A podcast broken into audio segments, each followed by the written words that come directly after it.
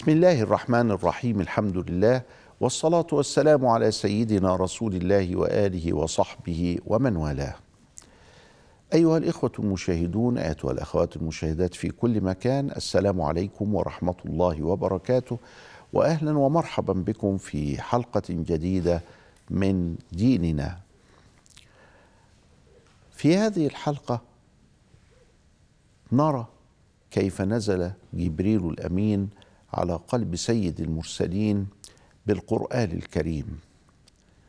وحدث هذا وقد وصل النبي صلى الله عليه وسلم إلى سن الأربعين. وكان النبي صلى الله عليه وسلم قد ولد في عشرين إبريل من سنة خمسمية واحد وسبعين. وهذا التقويم هو تقويم شمسي ولكن في هذا العام هو قد ولد في التاسع من ربيع وهناك روايات كثيرة لكن المحقق أنه ولد في التاسع من ربيع في سنة الفيل بعد خمسين يوما من حادثة هجوم أبرهة الحبشي على الكعبة. وإذا كان ولد في التاسع فمعنى هذا أن أبرهة جاء في تقريبا 19 محرم من هذه السنة وسميت بعام الفيل ونزل فيها بعد ذلك قرآن.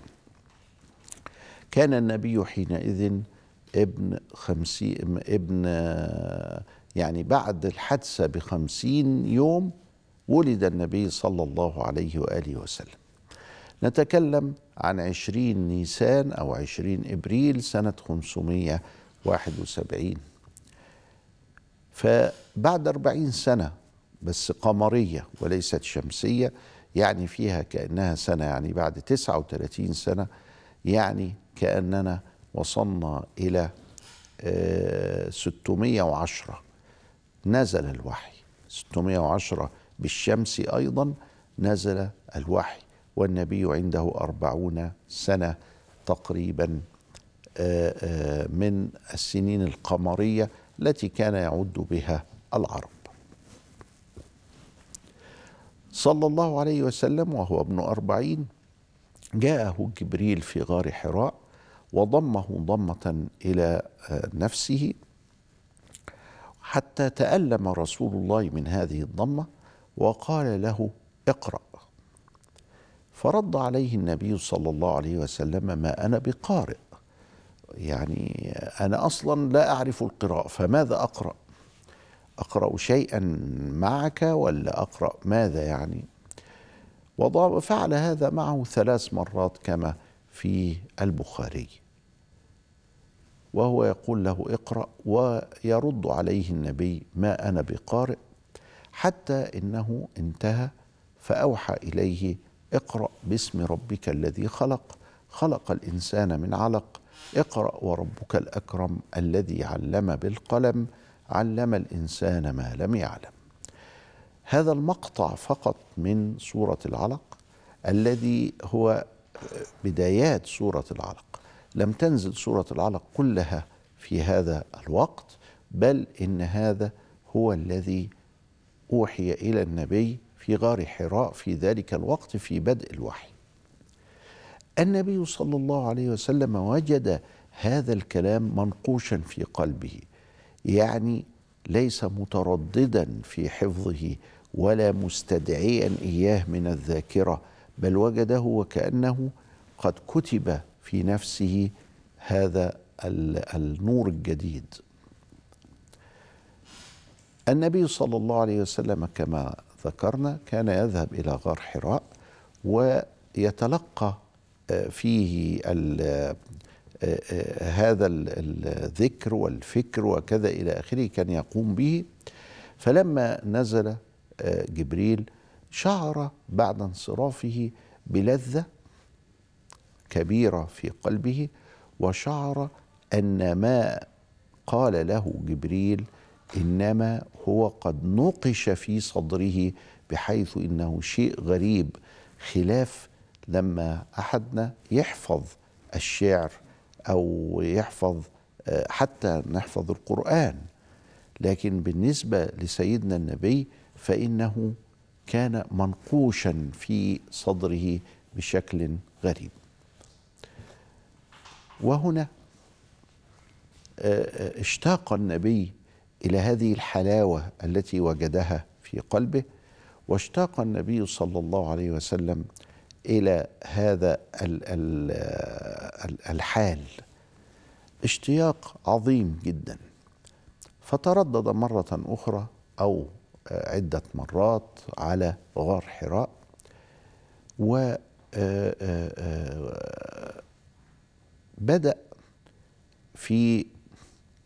آه، بدأ في في في الاشتياق الشديد لكنه لم يرى جبريل بعد ذلك. وكان هذا نوع آخر من أنواع التثبيت والتربية بالصبر لرسول الله صلى الله عليه وسلم. وفعلا صبر الرسول صلى الله عليه وسلم إلى أن عاوده مرة أخرى جبريل بالوحي. وكل هذا كان في نحو ثلاث سنوات. عندما نزل عليه جبريل بالوحي نزل بتكاليف. قم الليل إلا قليلا نصفه أو انقص منه قليلا أو زد عليه ورتل القرآن ترتيلا. بعد لقائه الأول كانت تحدث له من شدة اللذة التي في قلبه قشعريره في جسده فكان آه، آه، يتغطى ويتدثر ف آه، ويتزمل فقيل يا أيها المزمل يا أيها المدثر. وبدأ الوحي يترى يعني يزيد. والنبي صلى الله عليه وسلم يريد أن يعرف ما هذا ويحكي للسيدة خديجة كل ما ياتيه آه، خوفا من أن تكون هذه حالة أن يكون هذا شيطان يكون هذا يريد أن يحرفه عن أسرار الخلوة وعبادة الخلوة فيريد أن يشغله بشيء آخر. السيدة خديجة قامت باختبارين. الاختبار الأول هو أنه قالت آه، آه، وقد رفعت عن نفسها الحجاب. هل تراه؟ بدأ جبريل يظهر له آه، في صورة بشرية لكن في مكة وفي البيت. فلما نزعت الحجاب قالت هل ترى؟ ما ترى؟ قال لا لا أراه. فلما وضعت الحجاب رآه فعرف أنه ملك وأنه لو كان شيطانا لا آه، تعدى على حرمات البيوت وعلى حرمات النساء. فلما كان كذلك وأنه يغض بصره وأنه يختفي عندما تكون السيدة ليست في حالة التهيؤ فإنه ملك أخلاقه كريمة. وذهبت به إلى ابن عم لها يقال له ورقة ابن نوفل. وورقة بن نوفل لما سمع الكلام الذي هو منقوش في صدر النبي صلى الله عليه وسلم قال له والله الذي لا إله إلا هو إن هذا وما نزل على موسى خرج من مشكاة واحدة. يعني ده وحي. وعرف لأنه كان يقرأ الكتاب العبراني وكان يقرأ لليهود واليهود كانوا أهل علم. بمعنى أنهم يهتمون جدا بقضايا التفاصيل والعلم وكذا إلى آخره ويسألون ويرتبون الأمور. اليهود عندها معايير للنبوة ورأى ورقة بن نوفل أن كل هذه المعايير إنما هي متوفرة في سيدنا النبي صلى الله عليه وآله وسلم. وقال له أنه لم يؤت أحد مثل ما أوتيت إلا عداه قومه وأخرجوه. قال أو مخرجيهن؟ كان رسول الله صلى الله عليه وسلم يحب مكة حبا عظيما وكان آه، آه، آه، يعني يعيش بها وفيها حتى إنه عندما خرج إلى الهجرة المباركة من مكة التفت إليها وقال ما أشد حبك على الله وإن وأنك أحب أرض الله إلي ولولا أن أهلك أخرجوني ما خرجت منك أبدا. كان النبي عليه السلام يحب مكة حتى إن الأنصار لما فتح مكة قالوا رجع إلى أهله. يبقى مش هيسيبه. من شدة حبه في مكة لكنه آثر أن يطيب خاطر الأنصار الذين نصروه. والسبب الثاني أن الإنسان يموت حيثما أخذت من بقعة دفنه تربته الأولى التي خلق الله منها آدم. ولأن تربة النبي مأخوذة من مكانه الشريف الآن في قبره المنيف فإنه عاد إلى المدينة ومات في المدينة ودفن في المدينة وفاء بذلك العهد وقدرا من عند الله سبحانه وتعالى إلا أنه كان يحب وطنه حبا شديدا. في هذا رد على أولئك النابتة الذين خرجوا يستهينون بالأوطان ويشتمون الأوطان ولا يحبون هذا الوطن الذي يعيشون فيه والذي له كل اليد عليهم ابتداء ووسطا وانتهاء. النبي صلى الله عليه وسلم بدأ يرى جبريل في غار حراء وفي غير غار حراء وبدأ الوحي يتتالى عليه وبدأ الوحي واستمر من حينئذ إلى 23 سنة بالضبط. فالنبي صلى الله عليه وسلم مات وهو ابن 63 عاما. 63 سنة كانت يعني وفاة النبي صلى الله عليه وسلم كانت في 12 ربيع باتفاق وكان يوم الاثنين وكان ذلك تمام الثلاثة والستين أو ثلاثة وستين وثلاثة أيام.